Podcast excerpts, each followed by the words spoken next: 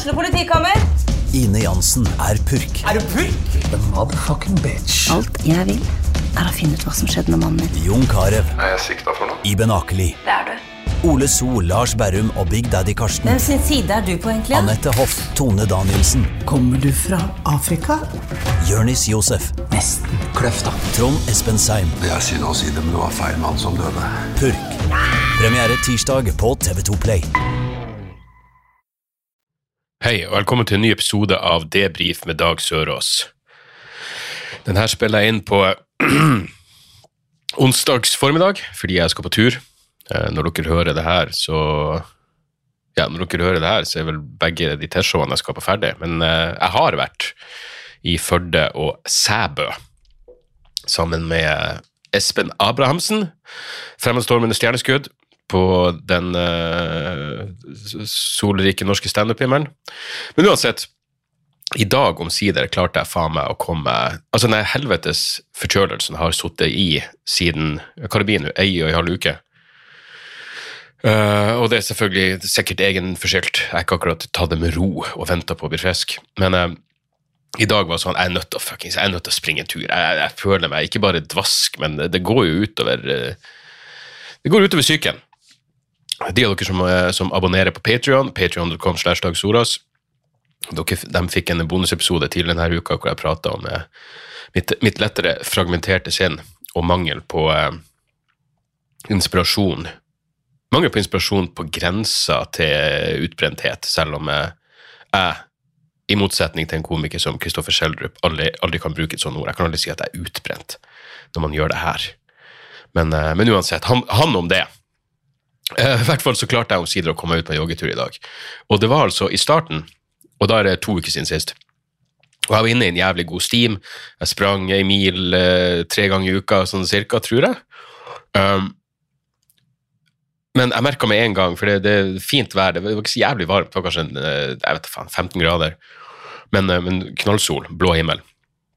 Og i begynnelsen, og da hadde jeg altså, jeg hosta og jeg harska og jeg snøyt meg ut av helvete før jeg sprang ut døra.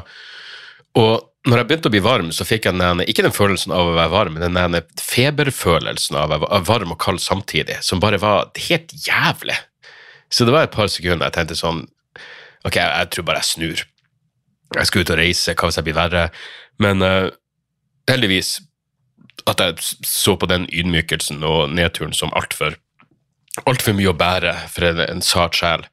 Så jeg klarte å stå han av og klarte å komme meg gjennom åtte uh, hva det var, åtte kilometer på eh, relativt eh, et helt respektabelt tempo, men, uh, men relativt uh, rolig. Jeg gidder ikke å begynne å presse meg, og så får vi heller sakte, men sikkert håpe at ja, at man, man kommer tilbake i en, en bedre rutine etter hvert. Eh, jeg spurte vel også tidligere om uh, lyder, hosting kontra spising og sånn, og tilbakemeldingen tilsa vel hosting jævlig, men uh, jeg, jeg har i det minste vett til å, til å uh, snu meg unna mikrofonen. Og nå spiste jeg faktisk rett før jeg starta innspillinga nå. Ikke for deres del, men bare fordi jeg spiste knekkebrød. Du kan ikke spise knekkebrød foran mikrofonen, det skjønner selv jeg. Da kan du ende opp med å grise på sitt eh, mikrofon, men jeg sipper jo fortsatt eh, kaffe her. Men uh, uansett, hva skjedde i det siste, for å ta den uh, delen? I helga så var jeg i Harstad, på Harstad standup-festival. Jeg var litt sånn, uh, ærlig talt, småskeptisk i starten på hvordan det her kom, hva opplegget var, men det var jo helt fortreffelig arrangert og strålende opplegg og, og god service og oppvartning og alt det der. Så jeg hadde det veldig gøy. Uh, fløy oppover, oppover med Norwegian, og jeg har jo eh, Jeg er jo en, eh, en SAS-mann. Eh, Nå ligger jeg faen meg dæven, altså. Jeg flyr litt ekstra, et par turer, ekstraturer nå, så har jeg diamantkort. Uten at jeg, jeg er ikke helt sikker på om, om det er så stor forskjell på diamant og gull. Jeg vet jeg kan gi bort et gullkort, men, men utenom det så er jeg ikke Men uansett, oppover så gikk det ikke, da måtte jeg fly så jævla tidlig, så det ble Norwegian oppover. Og det er jo helt greit. Selv om du blir fort Jeg lurer på om Jeg kan skjønne hvordan eh, rike folk Altså hvis du har eh, privilegier i livet ditt pga. økonomisk velstand, At det må være vanskelig å gå tilbake. For en så enkel ting som fast-tracken er altså blitt helt avhengig av. Jeg kommer jo opp på en fredag, og da er det jo, fredags ettermiddag så er det jo ekstra trøkk på flyplassen, selvfølgelig. Um, og da, da beregner jeg vanligvis Jeg vet nøyaktig hvor lang tid jeg trenger, fordi det er bestandig begrensa. Det tar meg tre minutter å komme gjennom sikkerhetskontrollen. Men nå fuckings, jeg har jo ikke fast track. Det var så vidt, Jeg var på vei bort dit, og så snudde jeg. og Jeg tenkte et sekund herregud, jeg håper ingen ser rart på meg nå at jeg går, at jeg går gjennom den vanlige sikkerhetskontrollen som, som, som resten av bøndene. Men, uh, men det gikk nå uansett fint. Men Norwegian, altså. Jeg vet da faen. Det er jo moderne fly. Men seteraden er altså på under altså Jeg aner ikke hvem som har konstruert det her, og det er jo en totalt hjernedød feil. For jeg, jeg lurte først på om, om, det bare var meg, og så satte jeg meg ned og så, så at alle driver og bøyde hodet ned. For det som skjer når de lukker opp, på det her flyet, når de lukker opp eh, luken, bagasjeluken over eh, stolraden, så forsvinner seteradnummeret, sånn at du må bøye deg ned og se på undersida for å se hvordan seterad du er på. Og det er jo et komplett hjernedød fuckings konsept. Satan, hvor dumt. Det burde vært en av de mest grunnleggende tingene når du konstruerer eh, bagasjehylle, er selvfølgelig at du skal kunne lese seteraden når bagasjehylla står åpen. Fuckings idiotisk. Uansett, vi kom frem til Harstad, eh, og eh, så, åpningen, så jeg var med på åpningsshowet da, på fredagen. Uh, på en plass som heter Støperiet, som jeg likte veldig bra. Jeg, lik, jeg liker alt som er sånn nedlagt fabrikkstemning. Uh, delvis sånn det her kan rase sammen når som helst, men bare det å være inni Helt siden standup var å stå på den gamle fabrikken i Oslo. Eller det var to forskjellige fabrikker, uh, men den første særlig, som lå rett over Altså når du kommer ut fra Blå, hvis du bare går rett over den lille brua, rett over elva, så der lå fabrikken, og fortsatt et av mine favorittlokaler noen gang har stått i. Men det her var litt sånn den følelsen. Um, og så var det ordføreren skulle åpne, åpne showet. Og hun var ei jævlig kul dame. Uh, Arbeiderpartiet, men det er jo neither here nor there. Men uansett, hun, hun kom bort til meg og så introduserte seg, og så sa hun at uh, hun hadde en sønn som var en uh, fan av min standup. Og sønnen hadde plutselig kommet hjem til hun og sagt uh, ja, Nå slår det meg at fuck, det her, er det her noe Jo da, de kødda jo, han har jo gjort standup, så jeg tror ikke det her skal være noe stress.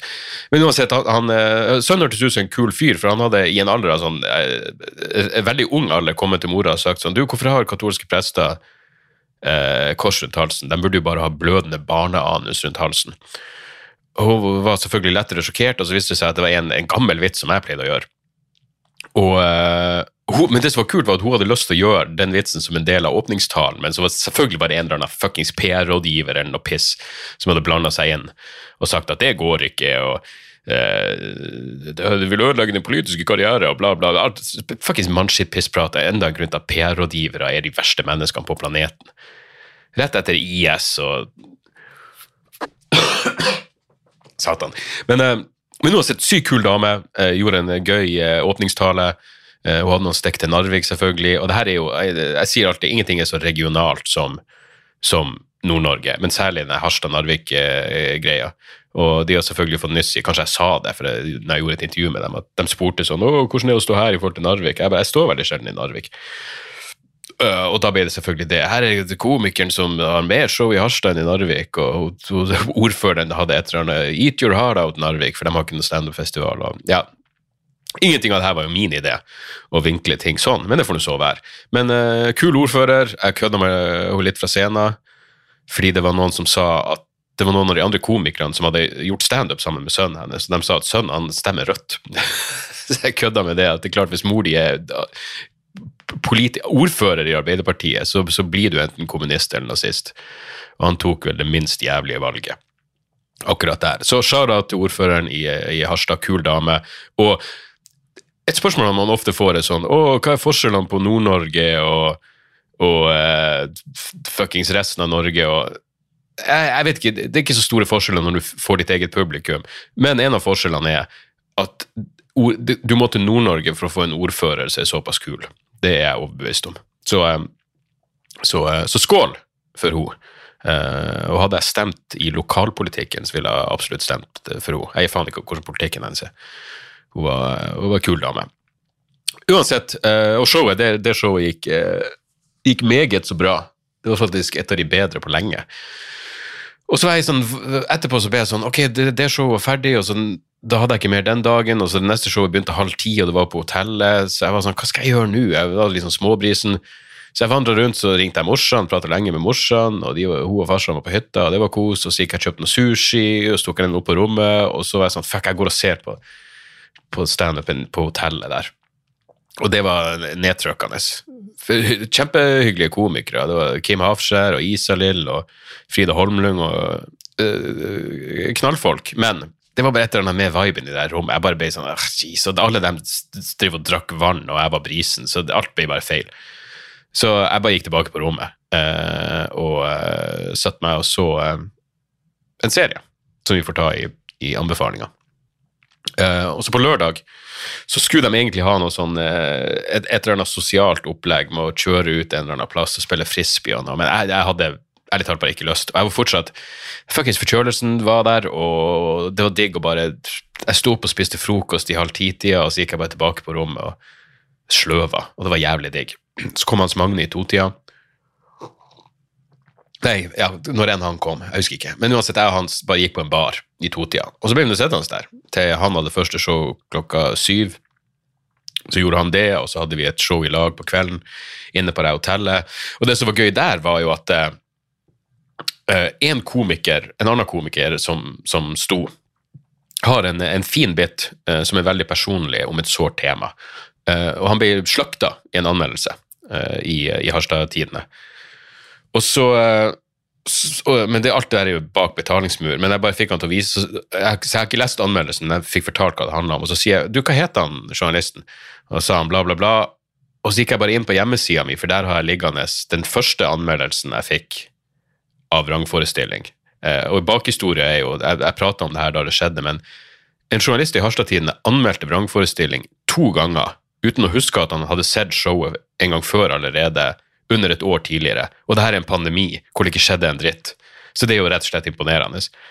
Eh, og så nå slakta han liksom en, eh, en kollega på denne måten. Og eh, ja, det irriterer meg når folk sånn, 'Å, det er for sårt tema'. Det er personlig historie. Han kan faktisk si hva han vil. Men Så jeg var litt sånn irritert over det. Så jeg gikk opp og, og prata om det der at jeg fikk anmeldelse to ganger samme show. Første gang så var det terningkast fem, herlig drøyt. Andre gangen var det terningkast fire, litt for drøyt. Føler jeg har hørt noen av de vitsene før. Ja, du sier ikke det. Du sier ikke det, kompis. Det er elleve måneder siden du satt og så det samme showet i den samme salen, i den samme byen. Og det har ikke skjedd så mye i mellomtida. Men uansett, så jeg, jeg prater om han med navn, da. Jeg var jo eh, jeg, jeg var inspirert. Og uh, lite visste jeg at han kom opp for å si hei etterpå og tok meg i handa. Det var han vel der for å skrive en anmeldelse som jeg ikke har lest og ikke har lyst til å lese. Men uh, det er hyggelig fyr, og det var ikke noe dårlig stemning. Og jeg sa til han jeg håper ikke du tok det personlig, og han sa noe sånt som at hei, denne jobben kan du ikke ta ting personlig. Jeg bare fuck yeah. Det høres bra ut. Jeg- knipsa vi et bilde i lag? Jeg husker ikke. Men uh, det var i hvert fall digg at man kan liksom det, det er noe bra med, med folk som litt hardhuda. Og det bør du absolutt eh, kunne, det bør du absolutt være hvis du skal jobbe i meningsbransjen uten at alle nødvendigvis er det, av, av den grunn. Og eh, helvete for en form på søndag, da var det mye som måtte revurderes. Men eh, relativt tidlig fly, kom meg hjem, og eh, ja, tok det meget, meget som med ro. Og så ble egentlig formen bare Går det rundt for meg med dagene her? Var det på tirsdag jeg skulle Ja, jeg husker ikke. Eh, så, så, så det var helga mi. Og den var jo eh, gøy. Ellers må jeg bare informere om at uh, bildene som Gunnar Tjomli tok til uh, neste plakaten min, og alt det der, ble helt knall. Han har virkelig gjort en dritbra jobb. Gitt hans utgangspunkt, som er å ta bilder av meg, så, så gjorde han en helt strålende jobb. Og han er jo så pertentlig og hardtarbeidende, men det, det, det um, Ja, det, man får Det, det, har det gir resultat. Så eh, jeg kan absolutt anbefale Gunnar helhjertig eh, hvis du trenger noen til å ta bilder, uansett om det er eh, bryllup eller standup-plakat eller fuckings orgie, hva enn han skal dokumentere, kan han gjøre på en eh, helt fortreffelig og profesjonell måte. Så, eh, så sånn var det. Ellers var det en ting jeg tenkte på. Jeg så nå at det var en dom i den såkalte Estonia-saken, hvor han journalisten og to stykker ble dømt for eh, jeg håper å si gravskjending. De har i hvert fall forstyrra eh, gravfreden, eller hva faen det heter. Fordi de hadde vært nede og filma eh, Filma Estonia-vraket, som egentlig er definert som en gravplass. Um, skal de har allerede De har allerede varsla anke, ja. Eh, Og ikke minst bra at Warner Brothers Discovery, som er ansvarlig for dokumentarserien, gir de dømte journalistene full støtte. For her er greia, det her er jo Men det jeg begynte å tenke på som var interessant, var For jeg likte den dokumentarserien. Jeg, ikke, altså, jeg vet ikke hva jeg skal tro om det de insinuerer, men det her er jo en seriøs dokumentar. Så jeg, så jeg begynte å tenke sånn, ok, så jeg støtter de her fordi de gjør seriøst arbeid, og det virker som et uh, oppriktig åpensinna forsøk på å finne ut hva som har skjedd, og saken er jo fucking sprø, og har du ikke sett det, Estonia-dokumentarserien, så anbefales den virkelig. Og særlig de rekonstruksjonene er fuckings uh, ganske grusomme. Men, uh, men hvis det hadde vært Så jeg støtter dem, absolutt. Det her er gravejournalistikk. Men hadde det vært noen idioter, hadde det vært Alex Jones som var nede og filma fordi han skulle lage noe Infowars-piss om at det var jødene som sto bak sunkinga, senkinga av Estonia, så, um, så hadde jeg sett annerledes på det. Uh, annerledes på det. Er det Er det hyklersk? Jeg tror ikke det. Um, jeg, jeg skjønner jo ideen med gravfred. Um, det er jo selvfølgelig en, jeg vil tro en ganske unik sak at du bare bestemmer at vraket skal bare ligge der med, med, folk, med likene inni, med folkene inni. Vi skal ikke ta dem opp. Og så er det bare designert som en gravplass, og du har ikke lov å filme. Og det er ikke sånn de gjorde noe Hadde det vært Alex Jones, så ville det vært noe annet, men når det er seriøs undersøkende journalistikk, så er det helt på sin plass. Og det var ikke sånn de gjorde, Alt de gjorde, var jo å sende en sånn undervannsdrone ned for å filme. De har jo ikke flytta på noe eller ødelagt noe eller gjort noen verdens ting. Så det skal bli spennende å den, å følge den saken videre, men det er jo eh, eh, åpenbart en viktig prinsipiell sak for fuckings eh, pressefriheten. Så, eh, så lykke til til eh, Lykke til til Hva faen er han het igjen? Henrik Evertsson er, er vel han ene Ja, han er regissøren, ja. Så eh, ja, han og vrakeksperten. Det er han, han som sendte den dronen ned. Linus Andersson. Dømt i Göteborgs tingrett for å ha brutt gravfreden i forbindelse med dykking av Estonia-vraket. Ja, uansett, blir spennende å følge videre. Eh, bra, og selvfølgelig at de anker. Ellers var det en veldig rar sak i Dagbladet, som det ofte er. Men Simone Isaksen og venner forlot utestedet i protest da eieren ikke ville svare på hvorfor det hang en plakat av Vladimir Putin på veggen. Dette utestedet Catch 22 i Alta. Hvor i faen blir det hen? Jeg, må gå inn på Google Maps. Alta er jo ikke akkurat svære plassen. Eh, Skal vi Catch 22 Alta. Hvor blir det? Der, ja. Akkurat. Ja, ok. Alta er jo egentlig bare den markedsgata, ikke det? Eh, Så det blir på vei bort mot City Scene. og Alta. Ja. Midt mellom Scandic og City Scene ligger Catch 22. Men uansett, saken er at eh, noen har reagert, eh, forståelig nok. Ved siden av toalettet hang det en plakat med ansiktet til Vladimir Putin. Isaksen forteller at hun umiddelbart konfronterte bareieren. Og det er sånn, ok, ok, hvor gammel er hun? Hun er vel Nei, hun er faktisk 34 år. Jeg, jeg, jeg ville ikke umiddelbart konfrontert han, men jeg ville spurt, så hva er greia med den ene Og da ville du kanskje fått et svar. Eh, men Isaksen hun forteller at hun umiddelbart konfronterte bareieren. Spurte hvor, hvorfor han hang der, om hun var positivt innstilt til Putin. Da fikk jeg et svar at han ikke ville diskutere politikk med meg, sier hun. Og det, det er godt mulig. Jeg mener, jeg syns jo det er helt absurd, og eh, personlig syns jeg det er ganske forkastelig å ha en faktisk plakat av Vladimir Putin. Og så Ifølge 34-åringen ruller det også konstant en video av Putin på TV-skjermen i baren. Da tar du det til neste nivå. Eh, og da virker det som en bevisst bevisst provosering som er vanskelig å forholde seg til. Så jeg, jeg har to meninger. Det ene er, hvis du henger opp en fuckings plakat av Putin på baren din, så bør du være beredt på å fuckings forklare det. Ikke nødvendigvis forsvare det engang, bare forklare det. Hvis du i tillegg har noe video, titimers YouTube-video av Putin gående, da begynner det å bli fuckings creepy. Men det er jo også absolutt en mulighet at fremtoninga til Simone Isaksen gjør at han ikke ville forklare noen verdens ting. Uh, og hun sier hun ikke ønsker å legge igjen penger på et utested som støtter Putin. Helt fuckings enig. 100% enig. Jeg ville også ja, men Hvis jeg kom inn der Hvis, hvis det bare hang den plakaten, så ville jeg nok spurt hva faen er greia med det der? Hvis det i tillegg var eh, Putin rulla over TV-skjermen konstant, så ville jeg bare gått. Uh, så, så, jeg støtter den for så vidt, men det føles samtidig som det er noe uh, Dagbladet har forelagt sitatene til Isaksen for eieren av Catch 22, Stig Eilegård Jørgensen, så ingenting tyder på at den her er russisk. Han har blant annet fått spørsmål om hvorfor de ikke vil forklare hvorfor plakaten er hengt opp på utestedet. Det har ikke noe behov for å kommentere, svarer han i en SMS. Og da er det sånn, ok. Ja ja, folk må ha lov til å skyte seg sjøl i trynet eh, med et fuckings russisk våpen hvis de vil.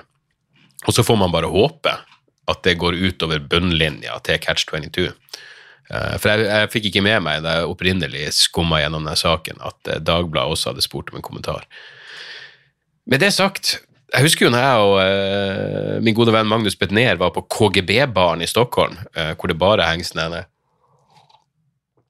Nazi-memorabilia og ja, hvor vi tenkte hadde du åpna en nazibar, så hadde det ikke gått, men en faktisk KGB-bar, det går liksom greit. Hvis du leverte drinkene med sånne små miniatyrtog på en nazibar, så, så er ikke det ok, men å liksom stirre på Josef Stalin mens du kveler i deg en gin tonic, det er bare kitsch.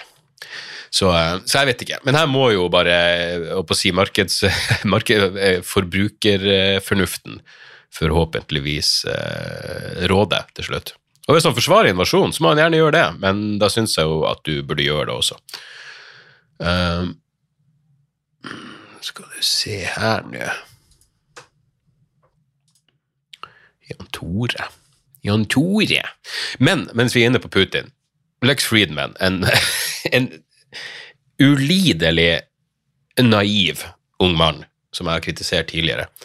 Uh, men her, her, er en, en dementering. Jeg, jeg, jeg, sa at Lex Friedman hadde hatt Alex Jones som gjest. Så vidt jeg kan se, så har han ikke hatt det. Det var en stygg feil av meg. Jeg må aldri anklage noen for å ha hatt Alex Jones som gjest når de ikke har hatt det.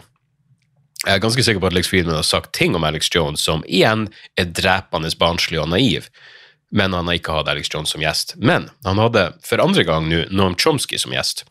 Og um, jeg har jo etter hvert fått en del uh, uenigheter med Chomsky, men jeg syns jo fortsatt han er tidvis sylskarp, og i dette intervjuet så er han jævlig bra. Og det som gjør det bra, er at, Alex, at Lex Friedman bare stiller spørsmål. Det er ikke de ene evinnelige tre timer lange monologene om, om, vitaminer og joggeturer, og at han har lest The Fall and Rise of the Third Reich, og, eller Rise and Fall of the Third Reich, jeg husker ikke. Jeg går ut fra det, den rekkefølgen. Men det som er gøy, er at Lex Friedman en av de fremste eh, talspersonene for denne ideen om at podkaster skal redde verden, langformsamtaler skal redde verden. Hvis jeg bare kan få Putin og Zelenskyj med på en podkast, så tror jeg vi kan løse det her. Så han spør Chomsky, i typisk naiv Lex Friedman-stil, hva ville du sagt hvis du var i samme rom som Putin, Mr. Noam Chomsky? Og Chomsky sier han har et veldig bra og veldig fornuftig svar. Han sa jeg ville forlatt umiddelbart. Hva faen skal jeg si til Vladimir Putin? da kan du se for deg at Lex Friedman blir sånn Ja, men herregud, det er jo sånn vi skal berge verden, med å sette oss ned Ok, hva ville du sagt til Vladimir Putin hvis jeg henta podkastutstyret? Chomsky sa hva faen skal jeg si til Vladimir Putin? Skal jeg si til, hva, hva, hva, han skal svare på det jeg sier? Hvis jeg sier til Putin Hei, hvorfor invaderte du Ukraina? Hvorfor, hvorfor begikk du en krigsforbrytelse som er på linje med USA sin angrepskrig mot Irak og, og, og, og Hitler Stalin-invasjonen av Polen. Hvorfor gjorde du det? Hva fuckings Putin skal svare på det? Det er en idiotisk idé. at Du skal ha noe å si til Vladimir Putin. Så uansett, det var bare så jævlig deilig, og jeg håper virkelig at, at Lex, som tydeligvis liker å reflektere over ting, reflekterte litt over det svaret. Men det gjør jo også at jeg skulle ønske, akkurat utelukkende i det øyeblikket, at Chomsky var i studio, at det var en av de tre timer lange samtalene hvor Lex skal begynne med sine evinnelige visdommer som jeg blir mer og mer overbevist om kun handler om det han er ekspert på, som er Hva er det for noe? Kunstig intelligens, det er jo det han forsker på. Roboter. Der er han garantert eh, et geni. Men det meste annet er han som en baby. Han er som et, ikke, ikke som en baby, det er stygt å si. Han er som et barn. Drepende naiv. Eh, men da skulle jeg ønske at han kom med oppfølgingsspørsmål. Jo, men tror du ikke at podkaster skal redde verden Noam Chomsky? Og uh, jeg tror Chomsky ville sett tomt på han. Jeg tror ikke med en av de få ganger hvor Chomsky bare ikke hadde noe å si. Og Chomsky svarer på fuckings absolutt alt. Absolutt alle spørsmål svarer han på. Jeg har, sett så mye sånne Q&A-greier med Chomsky hvor han blir spurt om hvor folk spør om solguder og, og fuckings flat earth og de mest sinnssyke konspirasjonsteorier. Han er bestandig høflig og saklig. Eh, og ære være han for det. Men nei, hold deg til kunstig intelligens, eh, Lex. Eh, med det sagt så så jeg en historie som var merkverdig, som viser litt eh, kunstig intelligens sine begrensninger når de skal brukes, eh, i dette spesifikke tilfellet for å bekjempe overgrep mot barn.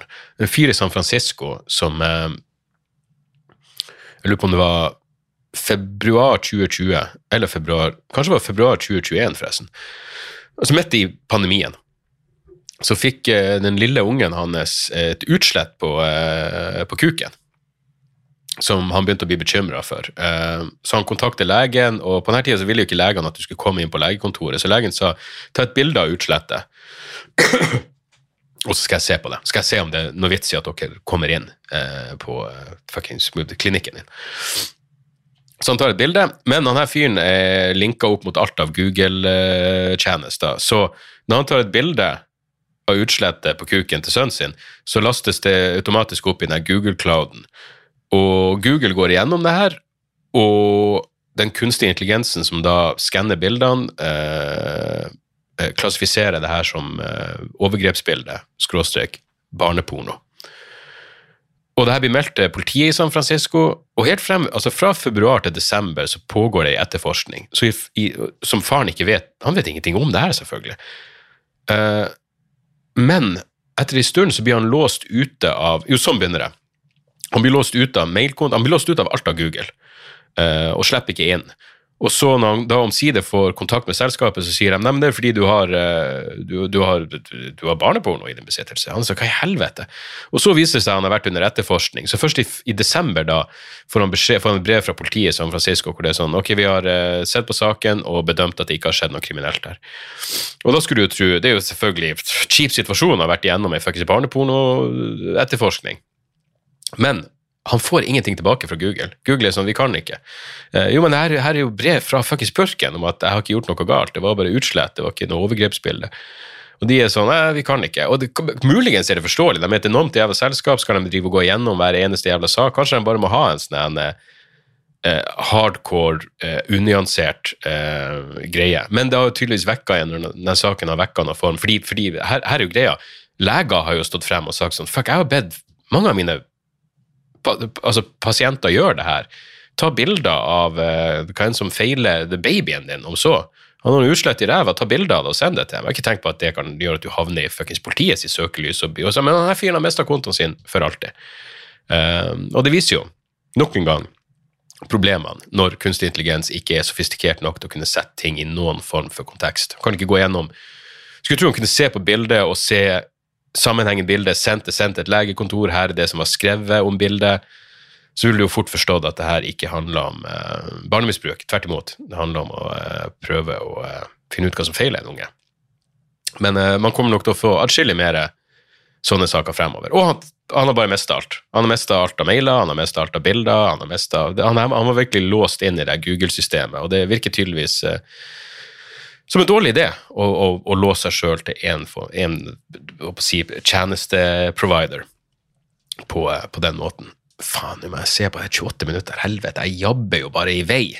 Jeg skal jo ut på fuckings flyplassen. Det er derfor jeg jeg, jeg, jeg hadde bare sånn jeg bare tenkte sånn da jeg våkna opp i dag. Faen, hvis jeg klarer Hvis jeg klarer å jogge og gjøre podkasten før jeg drar, da er jeg glad og fornøyd. Det er faen meg småstolt over meg sjøl. Men nå er det bare litt over to timer til flyet går.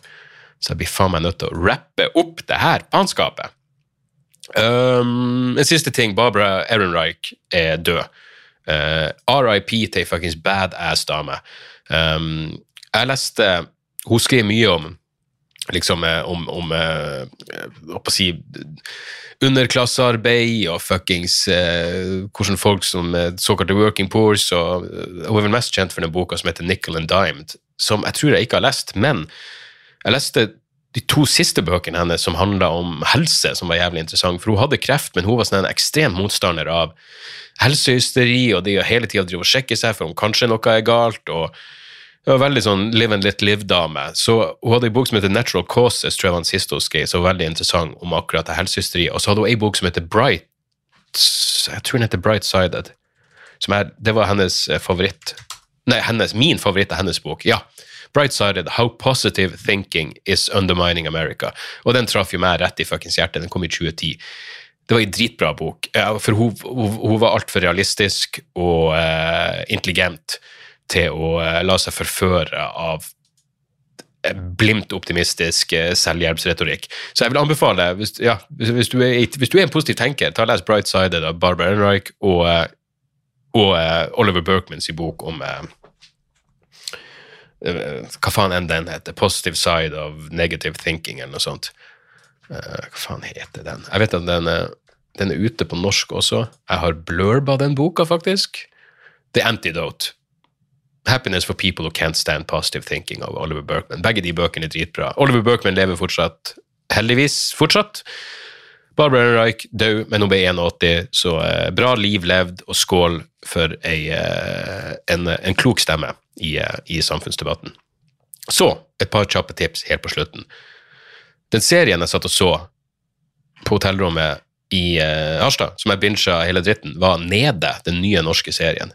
Eh, jævlig bra. Altså, når, det, når, jeg begynte å se den serien, eh, så tenkte jeg ok, jeg, jeg digger greia. Uh, uh, men det er ei scene der, for det handler jo om, handler jo om ei dame som, uh, som er i ulykke, og så havner hun i rullestol. Og hun er, helvete, hun er hun den Maria Austgulen, som spiller Fanny, er altså så jævlig bra. Og så bra søsken Altså, det virker så Den søskendynamikken hun har med hun som spiller søstera, er også så jævlig bra. Men eh, godeste Maria er helt uh, konge i denne serien. Og, men uansett, i første episode så er det ei scene hvor hun har da havna i rullestol. Det er ikke noe spoiler. Og så er hun på polet, og så kommer det ei dame inn for å kjøpe noe i samme hylla, og så har de en sånn interaksjon som virker bare så jævlig kunstig. Så da var det sånn, da var det noen sekunder hvor jeg tenkte ah, ok, det her blir sånn klassisk kleint norsk faenskap Ingen ville hatt den samtalen, den ga liksom ikke noe mening. Men jeg beit det nå i meg, og så vokste og vokste det. Det er bare seks, episoder eh, på sånn 25-30 minutter. Men eh, det var, når det var ferdig, det var sånn Jeg var lei meg fordi det ikke var mer, og jeg var også jævlig glad fordi det var liksom eh, Bra avslutning, bra oppbygning på hele greia. Fuckings mørk humor, jævlig morsomt. Eh, dritgode skuespillere. Så um, ja, jeg, likte virkelig den. Det, igjen, det, det føles Jeg er ikke det mest patriotiske jævelen i verden, men det er alltid kult å kunne promotere noe norsk. Så serien Nede eh, på, på Viaplay kan jeg, kan jeg varmt anbefale. Og så har jeg faktisk bare en annen den andre, Det andre tipset er også en serie, og det er Bad Sisters på, eh, på Apple. Det, kommer sånn én episode i det kommer én episode i, uh, i, uka. Det er fem, fire episoder ute. Jeg har sett de tre første, og det er dritbra. Det er, rett og slett uh, Igjen, søsken. Uh, det er fem søstre med som Altså, stebroren deres dør. Og ja, så det er liksom delvis en krim mysterium, men det er fuckings mørk humor. Det er først og fremst bare et veldig bra dramaserie. Uh, igjen et sånt ord som jeg bruker i de her tilfellene, er menneskelig. Den føles bare veldig menneskelig. Og han er fyren, altså Claes Bang, som spiller han er han fuckings stebroren, John Paul. Helvete! Han er god å spille det ultimate rassholdet. Og så er det sånn for det er det som er greia, at han er stebroren og han døde. Alle er glad han er død, fordi han var et fuckings rasshold, og han er så jævlig god å spille et rasshold. Og den måten det, Jeg lurer på om det er noen sånn familiedynamikker der som bare alle kan kjenne seg igjen i. og Når du ser det fra utsida, så tenker du Hvorfor i helvete lar man det her udyret slippe unna med pisspratet sitt? Det er det jeg ikke forstår.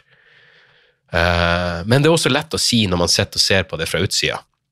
Uh, mens hvis man er i det, så uh, så, så, føles det kanskje litt, litt annerledes. Og så må du ta hensyn til liksom, at søstera di er gift med den fyren, og du har ikke lyst til å såre henne.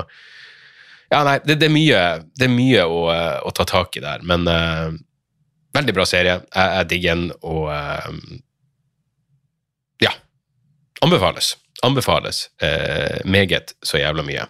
Og så et lite musikktips som jeg rett og slett bare Av og til, det, det her var ei skive som godeste Egon Holstad riva og renta over i, i feedback, ga terningkast seks og nå etter å ha hørt igjennom den tre ganger, så slår jeg jo fast at Så jeg har hørt igjennom den tre ganger, og så satte jeg på den første låta, Stopp en start, og så var det sånn ah, Ok, nå begynner jeg å skjønne hvorfor det her er så jævlig bra.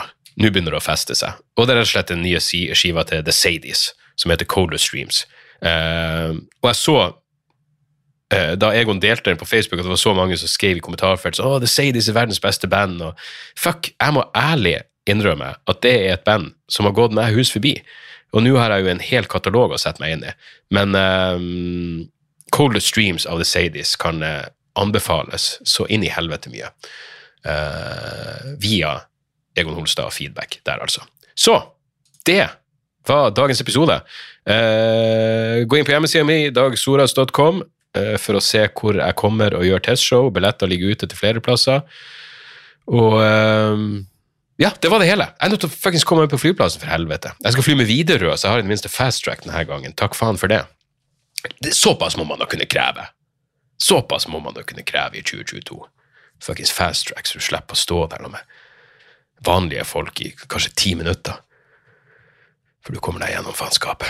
Her er spørsmålet, kommer jeg meg inn på lounge? Kommer jeg meg inn på SAS-loungen når jeg har flyr med Widerøe? Jeg får jo fast-tracken, siden Widerøe og SAS samarbeider, men jeg aner ikke. Det er ikke deres problem. Det er mitt fuckings problem. Det er også derfor jeg må komme ut på flyplassen i god tid. Uh, rate and review-podkasten hvis dere gidder. Spre ordet. Alt det der. Men først og fremst, takk for at dere hører på. Vi høres igjen neste uke. Tjo og hei! Moderne media. Har du et enkeltpersonforetak eller en liten bedrift? Da er du sikkert lei av å høre meg snakke om hvor enkelt det er med kvitteringer og bilag i fiken, så vi eh, gir oss her, vi. Fordi vi liker enkelt. Fiken superenkelt regnskap.